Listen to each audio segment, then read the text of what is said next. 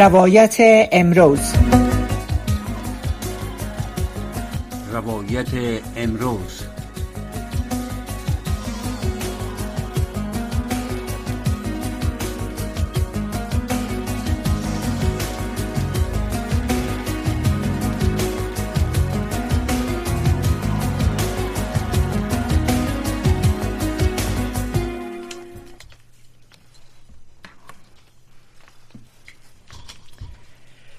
شنوندگان و بینندگان محترم سلام.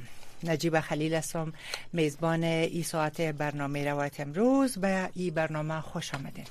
برنامه رو به امید صحت و سلامتی شما آغاز می‌کنیم. مطمئنا در برنامه پیشتر شما در رابطه به پایان روز دوم البته نشست دوها زیاد مطالب شنیدین و در موردش میمان ها هم صحبت کرد. در برنامه ای ساعت خودم ما هم روی بیشتر مسائل صحبت می‌کنیم و موضوعات مربوط به زنا را به بحث می‌گیریم.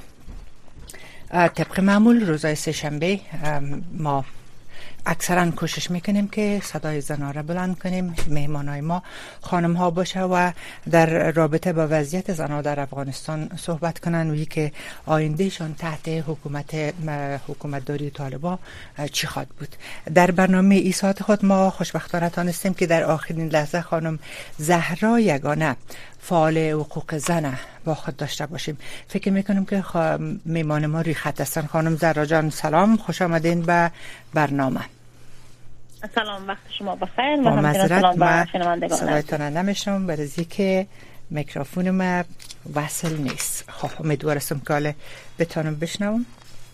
سلام. وقت بخیر. امیدوارم صدای من داشته باشه البته باید بگم که در آخرین لحظه خب ما یک مهمان دیگه هم داریم خانم مسوده کروخی رکونا قبلا که ما وعده کرده بودن ولی در می چار پنج دقیقه پیشتر که ما طرف برنامه می آمدم امراشان کوشش کردم که تماس برقرار حاصل کنم و کچان گپ بزنم. پاسخ نگفتن تلفن نظر طریق کچان خواستم تماس بگیرم. امیدوار هستم معمولا میفهم در افغانستان از طرف شو اینترنت ضعیف می باشه درست رخ نمیشیم یا اصلا رخ نمیشیم. ولی اگر از همکار محترم شافیه جان خواهش می‌کنیم که یک تماس بگیرن ببینن که پاسخ میگن خوب است که اونا رو هم داشته باشیم. اما فعلا ما خانم زهرا جان یگانه روی خط داریم. زهرا جان شما صدای ما رو میشنوین؟ بله من صدای شما دارم نمیفهم شما صدای من بله بله بله. میشنم ببخشید پیشتر می میکروفون ما می کانکشن درست نبود یا خب اما طوری که من پیش از اینکه البته نظر شما را در موارد مختلف مرتبط به زنان افغانستان بشنوم اما کنفرانس روز دومش به پایان رسید.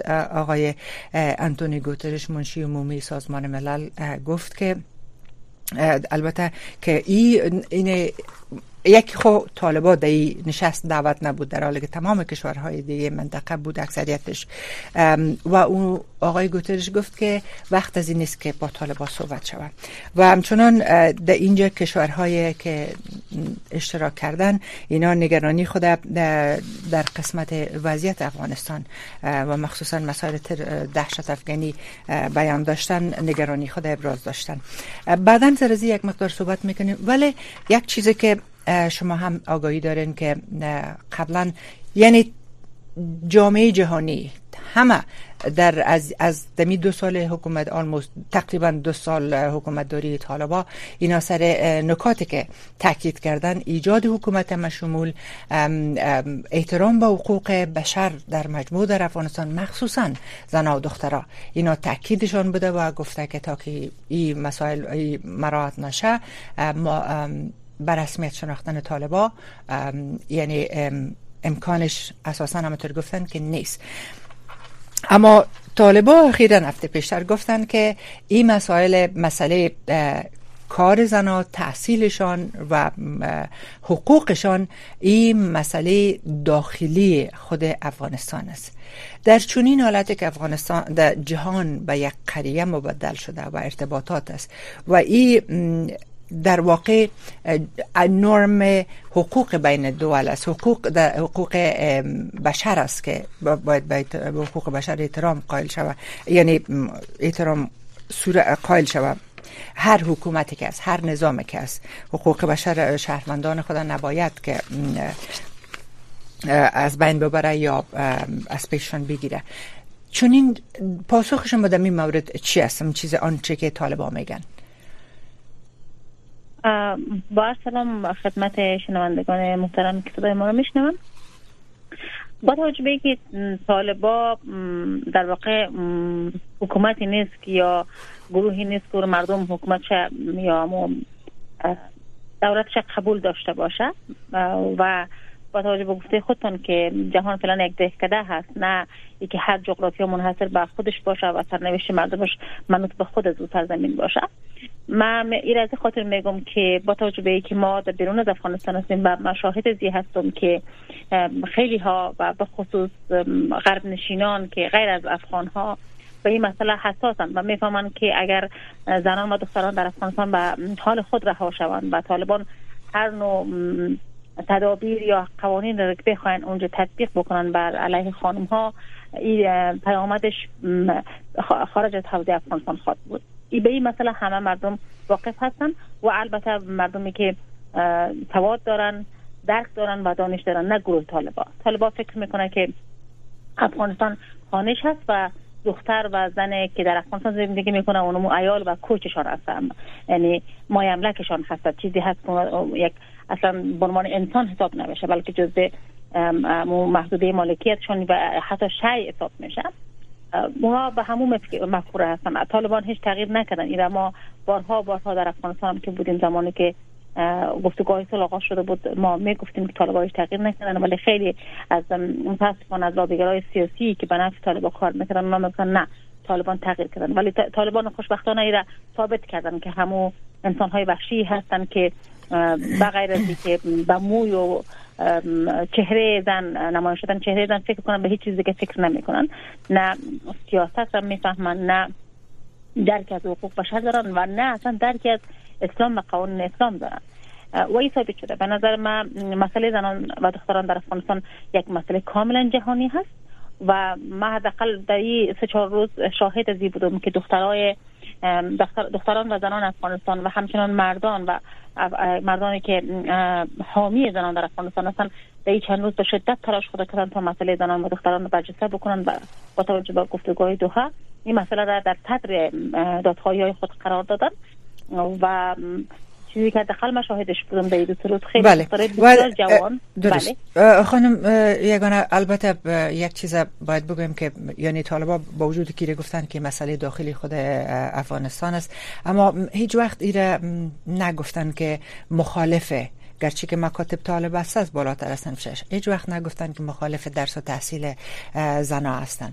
و همچنان شما شنیدین که دو سه روز پیشتر طالبا حتی در ولایت کابل و قندهار در دو جای فرما را توضیح کردن فرما ازی که بر دخترها امتحان کانکور بگیرن.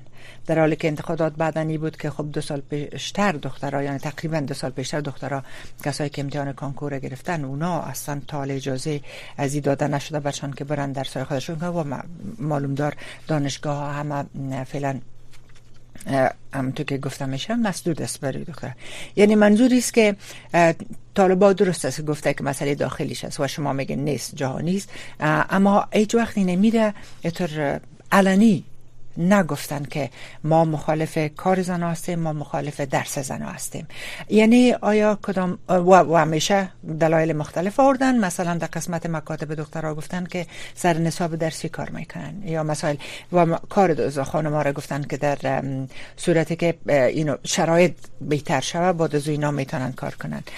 آیا چقدر باورمند هستین؟ چقدر امیدوار هستین بگویم که بالاخره امینا امی خود ازی که گفته امتحان کانکور بگیرین یعنی یک امیدواری بر های پیدا شده نشده که طالبا در روش خود تغییر ایجاد می‌کنن اجازه میتن دخترها را برن مکتب و خانما کار کنن. متاسفانه ما باید برسن بگویم که من اصلا خوشبین نیستم. به دلیل از که گروه, گروه طالبان هم به چند گروه هستن. این چند گروه فکری هستند اونجی که یک دیشان می‌خواین به نحوی نشان بدن که مسالمت آمیز رفتار می‌کنن. و یک دیگهشان از موضوع زنان و دختران به عنوان یک حربه استفاده می‌کنن تا بتونن توجه جامعه جهانی رو به خود جلب بکنن و به عنوان یک امتیاز اصلا بحث امتیازگیری هم هست بحث مسئله زنان در افغانستان که اونا با همین روی کردی که ما مانع زنان و دختران از بخش تحصیل و کار میشن در واقع می‌خواین فشار به جامعه جهانی وارد بکنن تا مشروعیت خود به دست بیارن یا به رسمیت شناخته شوند. این مسئله اصلا نباید ندیده بگیریم که اونا با این روی کرد پیش میرن. مثلا دیگه ایره که من می‌خوام براتون بگم که اصلا مخالفت چه, چه معنا می‌خواد داشته, داشته باشه. وقتی که اینا دختر دخترها نمی‌گذارن دست بخونن وقتی که خانم ها را اجازه نمیدن بدون محرم در محیط کار کار بکنن و به خانم ها اجازه نمیدن در به گفته خودشان که در یک اتاقی که یک مرد هست زن نباید اونجا حضور داشته باشه چون اصلا از لحاظ دیدگاه اونا حرام است. فکر می‌کنین چقدر امیدواری خواد به وجود آمد؟ طبیعی است که وقتی زنان میرن در محیط دفتر کار می‌کنن در اونجا مردها هست یعنی محیط کاملا زنانه خونه میشه که برای خانم ما در اونجا در نظر بگیریم که خانم کار کنن. یعنی حرفهایشان هیچ وقت منطقی نیست و جنبه عملی ندارن متاسفانه. و یک بازی را برای انداختن به خاطر دیگه بتونن اهداف خود دنبال بکنن در واقع. من خیلی خوشبین نیستم به که طالبا بیایه و به راحتی بپذیره که زنان و دختران کار بکنن مگر اینکه واقعا اونا سودی از این لحاظ به دست بیارن. و وقتی که منفعتشان باشه من مطمئنم که تغییر بکنن. اصلا این بحث دینی از نون است بحث فکریشان است که چگونه ما با بازی بگیریم. درست. تشکر. من فکر می‌کنم که میمون دیگه امام خانم مسعود کروخی عضو پارلمان حکومت سابق افغانستان هم روی خط داریم.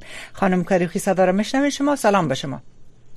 بله بله علیکم سلام. خوب است انشالله ببخشید ما یک تقریبا 5 6 دقیقه پیش از برنامه تماس گرفتم. متاسفانه رخ نشدیم. بعدا فکر کردم چون در گذشته هم این مشکلات بوده کسایی که از افغانستان خواستیم امراشان صحبت کنیم. باز از طرف شو گفتن که نه اینترنت بسیار ضعیف می باشه. از او خاطر نتانستیم یک دو سه بار شده که ما در برنامه خود هیچ میمان نداشتیم. برحال خوش آمدین. ما در برنامه همچنان خانم زهرا جان یگانه را داریم. فعال حقوق زن هستن که تا حال صحبت می‌کردن. من می‌خوایم از شما البته شما ممکن است یک مقدار صحبت های خانم زهرا جان شنیده باشین و ایره البته در گذشته دیگر هم امیره گفته که می‌خواین امتیاز طالبا با امی با حقوق زنها را که فعلا از پیشان سلب شده حقوق تحصیل کار و اینا امیر میگن به خاطر یک امتیازگیری می‌خوان که یعنی سر جامعه جهانی فشار وارد کنند که اینا را به رسمیت اول بشناسه بعد از او بازی اینا اجازه میتن. مکاتب دخترها بالاتر از سنف شش باز خواد کردن و دانشگاه ها را برای دختر خانم ها و همچنان اجازه میته به خانم ها که برن کار کنن. شما به این باور هستین؟ واقعا هم یک چیزی از امتیازگیری است. در حالی که شما دیدین که قرار بود که خانم البته پیشنهاد خانم امینه محمد هفته پیش گفته بود باید امی مسئله بر رسمیت شناختن طالبان مورد بررسی قرار بگیره در این نشست دو روزه دوها ولی اصلا دیدن که سر دو صحبت نشد و دو روز پیشتر هم حتی گفته شد که این مسئله مورد بحث قرار نمی‌گیره. یعنی طالبا واقعا فکر می‌کنین طالبا به می خاطر حق و حقوق زنا را حق کار و تحصیلشان فعلا از پیشان سلب کرده به خاطر از اینکه سر جامعه جانی و فشار وارد کنه که اینا رو به رسمیت بشناسه. سلام خدمت شما میمان برنامه و شنوندگان شما. جایی که ما به داخل افغانستانیم و از نزدیک شاید تمام رویدادها هستیم باور کنیم که همی عقیده و افکار و اندیشه طالبان که ناشی از همون فهم دینی از اینا هسته. اصلا امو اونا امو روحی زن ستیزانه در اونا ایجاد کرده.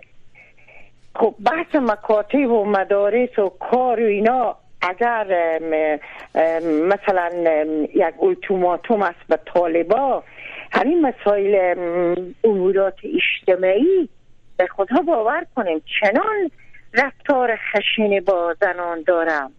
در گشت گذار زنا در داخل شهر در حمامات در پارکا حتی در رکشاها در ها خیلی رفتار نادرست و غیر اینترنی دارم. اصلا به هیچ عنوان اینا نمی‌خواهم که بپذیرم قبول کنم که زن انسان است زن آدم است نیاز داره باید بیرون بشه. برای رفع نیازمندی ها احتیاجاتی که داره به دکتر میره به دوا میره به خونه قوم و خش میره از این طرف به این طرف میره. باور کنیم که روان دارم. اصلا نمی‌خواهم. به هیچ عنوان اما ساختار اندیشه و عقیده و تفکر اینا همینه هستم. شما ببینید به او دور گذشته که بودم با وقت که افغانستان های داخلی افغانستان کاملا ویران کرده بود. جهان هم در بقصه ای نبود. کاملا بعد از که کمونیستا شکست خورد و شوروی نیروها خود بیرون کرد. جهان دلسرد شد. افغانستان به حال رها کرد. او اصلا جهان هیچ گونه مطالبه حقوق بشری و بازگوشه مکاتب و حق حقوق زنان از اونا مطالبه نکرد تا که 11 سپتامبر به حقوق پیوست. و همون دورم ما هم به افغانستان بودم. خیلی خیلی رفتار خشین غیر انسانی با زنا داشتم.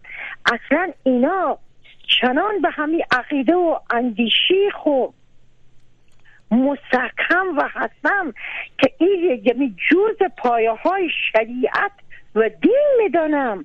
ما نمی‌فهمیم به اساس کدام روایات و محض از که صحبت میشه قطنامی شورای امنیت که به اتفاق را تایید شد و خواسته شد از طالبا باز همونا گفتم که ما حقوق شهروندی یا حقوق بشری زنان افغانستان مطابق به شریعت اسلام در اینجا همه اجرا میشه و اونا فکر می‌کنم که شریعت همین حقوق به زنا داده. بیشتر از این دیگه زن حق نداره. ای کاش همی می بود به خدا ما خوش خوش می شدیم که یعنی از برنامه از اینا صرف در همین منوال است که اینا می‌خوایم بر خوب باجگیری بکنم. دو سال سه سال او دورم پنج سال ما قربانی دادیم. وقتی که اینا به رسمیت اگر قرار باشه واقعا همین باجگیری باشه اول از این باور کنه من به عنوان یک زنی که در می افغانستان زندگی می‌کنم همالی رازی هستم که تا هفته دیگه را به رسمیت بشناسم. با اینا تعامل کنه جامعه جانی کاش می بود اصلا نیسته. باور کنیم اونا به همون مذکوره و به همون عقیده و ایدئولوژی که زن باید به خونه باشه و اینا آمدم که همون نظام اسلام سیاسی که مبتنی به مو عوامر و دستوراتی که در صدر اسلام پیغمبر خدا و خلفای راشدین در همون وقت زمانی که 1400 سال پیش نظر به همون شرایط و اوضاع و احوال و جهالت و بیخبری و بیخبری مردم بیده و تا به حال انکشاف کرده و پیشرفت کرده و توصیه کرده و عالمای فقیهان اسلامی تونستم تحلیل کنم قرائت کنم دین مطابق به شریعت. اینا میگم که اونا خلاف شریعت حرکت می‌کنم رفتار می‌کنم. و چنانچه بارها و بارها تحلیلگرا اینا همی چیز میگم که بله. اون کشورهای اسلامی کال ادعا می‌کنم مسائل حقوق بشری اونا اصلا پیره و کفار شدم کاش که می بود اصلا نیست. باور کنیم رفتار اینا حرکت اینا کردار اینا. صد درصد مخالف حضور سیاسی و هنری و فرهنگی که اینا یک طرف می‌گذاریم حتی حضور اجتماعی زن در بازار و کوچه. خب همین حمام از زنانه کجای از این باجگیری هست از, از, از, از جامعه جهانی. همین حمام های زنانه که صد سالم برو ما باز نکنم. جامعه جهانی به این مسئله خود داخل نمی‌کنه. میگه رفتن زن به هموم رفتن کفر شریعت کاملا علاوه شریع مخالف است. بله. این عقیدی نایه این باورهای هست که امروز ما مردم افغانستان و خصوصا ما زنان به, سرحد خفقان و خطر رسوندن. درست. خانم گریخی یادم است که شما در گذشتم براتون صحبت کردم ایره گفتین که در ابتدا وقتی که طالب آمدن اتفاقا شما استقبال کردین و امیدوار بودین که بله، بله. امنیت بیایه. گفتین که و در, در آغازش تا حد راضی بودین گفتین که همو آزار و اذیت خیابانی از بین رفته و این مسائل بود. اما بعدا گفتین آنقدر القره به اصطلاح تنگ ساخت در خانم های افغانستان که ایره به یادم است گفتین که شما بوی مرگ به مشامتان میرزه هر روز مرگ تنفس می‌کنین یا امی مسائل. ولی ما یک چیز می‌خوایم بگویم که البته ما همواره با مقامات طالبا یا سخنگوهایشان مخصوصا که اونا زبان خود رهبرایشان است صحبت کردیم و تا اونایی ادعا می‌کنن که زنا فعلا تحت حکومت داری از اونا از حقوق بیشتر برخوردار هستند. برحال میم اجازه بدین از خانم زراجان یگانه بپرسم که خانم زراجان شما گفتین که این باجگیری.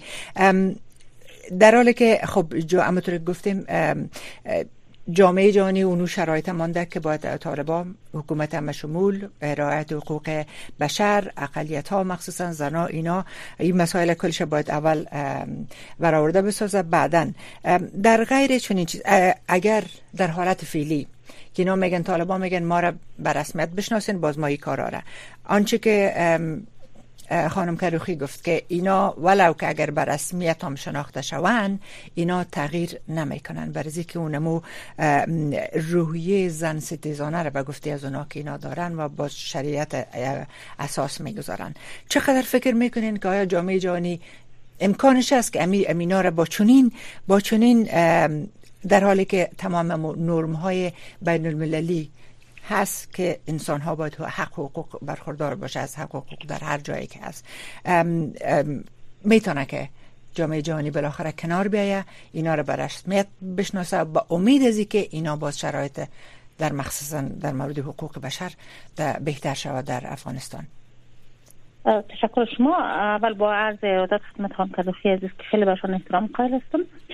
خوشحالم صدایشون میشنوم و جور هستن من فکر می‌کنم طالبات این دو سال امتحان خود پس دادن. یعنی همون چهره واقعی خود نشان دادن. با توجه به اینکه مسئله زنان و دختران به عنوان یک امتیازگیری حساب می‌کنن ولی همون قدر که احساس می‌کنن که طالبان زیر ذره جامعه جهانی هستن ولی بالاخره یک جاهای اونا چهره واقعی خود برنامه‌اش گذاشتن. من همیشه به این مسئله با تمام صحبت های هر اسپیسی که باشه هر فضایی که باشه میگم که اینا در حال حاضر می‌فهمن که در زیر کنترل جامعه جهانی هستن با این شیوه برخورد می‌کنن.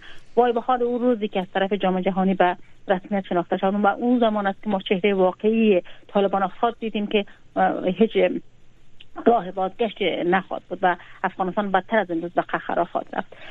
ما امیدوار هستیم که جامعه جهانی به این مرحله از شادی برسن یا به این درک برسن که اول که مردم افغانستان این گروه با ای روی کرد با ای روش هیچ وقت نمیپذیرن عنوان حاکم یا دولت حاکم در افغانستان. دومی که طالبا با دو دوره خشونتی که علیه مردم و به خصوص زنان و دختران داشتن و مفکوره زن ستیزانه و انسان ستیزانه که دارن هیچ وقت نمی‌تونن یک محیط امن و مسئول داخل در او ساحه جغرافی جهان خلق بکنن و خود به خود او تبدیل میشه به لانه تربیت تروریسم و تروریست هایی که می‌تونن جهان با چالش بکشانن.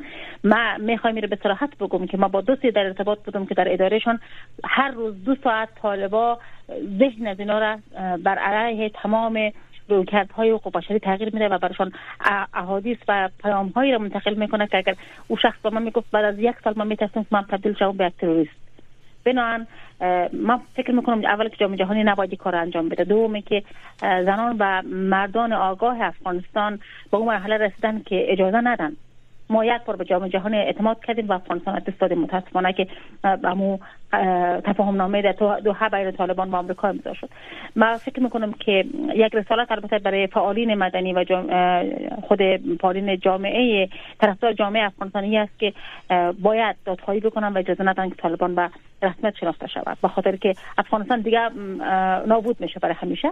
ما فکر می‌کنم اگر افغانستان به اون مرحله برسه که این شرایط سوق داده شود به سمت انتخابات و مردم بیاین اما زعیم کشورشون انتخاب بکنن دولت خود انتخاب بکنن. او زمان است که ما می‌تونیم بگیم که یک قدم از نابودی کامل ما به سمت یک زندگی مثبتتر برداشتیم. یک درست. قدم. درست. خانم کروخی قسم که شما میفهمنده ای نشست دو روزه از طالبات دعوت به عمل نیامده بود. ای به نظر شما به چی مفهوم است؟ یکی دومی که سوال بسیار عمده که همیشه مطرح میشه که خب هر حکومت هر نظام اما پایهایش وقت قوی میشه یا که از حمایت مردمی خود بر مردمیش برخوردار باشه. حالا وقتی که نصف قشر جامعه که زناست مثلا از حق حقوق خود با گفته اونا محروم میشه. حق کار حق تحصیل و همه چیز همونطور که شما گفتین هیچ نوع حق ندارن حتی به حمام رفتن و به پارک رفتن اینا اجازهش ندارن. وقتی که ای یعنی تا چی زمان فکر می‌کنین که اینمی حالت دوام خواهد پیدا کرد و خود امی حکومت دارید خود حکومت طالبا با چنین روش در برابر مردم خود ادامه دوام خواهد کردن؟ شما ببینیم شرایط فیلی افغانستان مهمترین اصل به قول شما و خواهر عزیز ما محرومیت و ممنوعیت تمام ارزش هایی که یک انسان داره به نیمی از قشر جامعه ای خویه دوام مونده مشکل اقتصادی. فقر بیکاری ای دوتا مسئله سوم دربدری و مهاجرت باور کنیم ما در این ولسوالی کروخ چند روز پیش رفتم از این پین محله و زادگاه ما در این تای چل سال همین مردم بیجا نشده بودم. من به خدا او روز رفتم باور کنیم که بیشتر کوچه ها خالی بود. کجا رفتم این فامیلا؟ همه رفتم به ایران. پدیدی ماجرت همه از طریق قاچاق. از که زندگی ناچکار میشه اولادای ناچکار میشه تن به هر ریسکی میدم و فعل مهاجرت به اندازه زیاد شده. شما فکر کنیم کسایی که چل سال کار کردن متقاعدین به خدا به سختترین شرایط زندگی می‌کنن. که چل سال کار کردم محصول کار اینا که از اونا پول معاش اینا ذخیره شده. همه در سختترین شرایط زندگی می‌کنن. امروز مسئله همین پولای فرسوده. به خدا باور کنیم همین پول رای می‌کنیم به دکونا و پس میگم اینا چالش نداره. اینقدر این پول فرسوده به رو روح و روان و خرید و فروش ما تاثیرات منفی گذاشته. وضعیت خیلی خیلی نگران کننده. وضعیت خیلی خیلی بله. نگرانی و بدبختی مردم عمیقتر از این که از بیرون حال خواهر ما مسئله بحث انتخابات گفتم. باور کنیم چنان ما غرق از این بدبختی های هستیم که به فکر تشکر. انتخابات اصلا نیستیم. تشکر مشارکتی ما نیستیم. سلامت باشین. ما رنجا و دردایی داریم که تشکر خانم کروخی با معذرت. بسیار تشکر. خانم کروخی جهان سپاس از شما و خانم زهرا یگانه. لطف کردین که در برنامه سهم گرفتین. وقت برنامه در میجه به پایان رسید. شب و روز شما بخیر.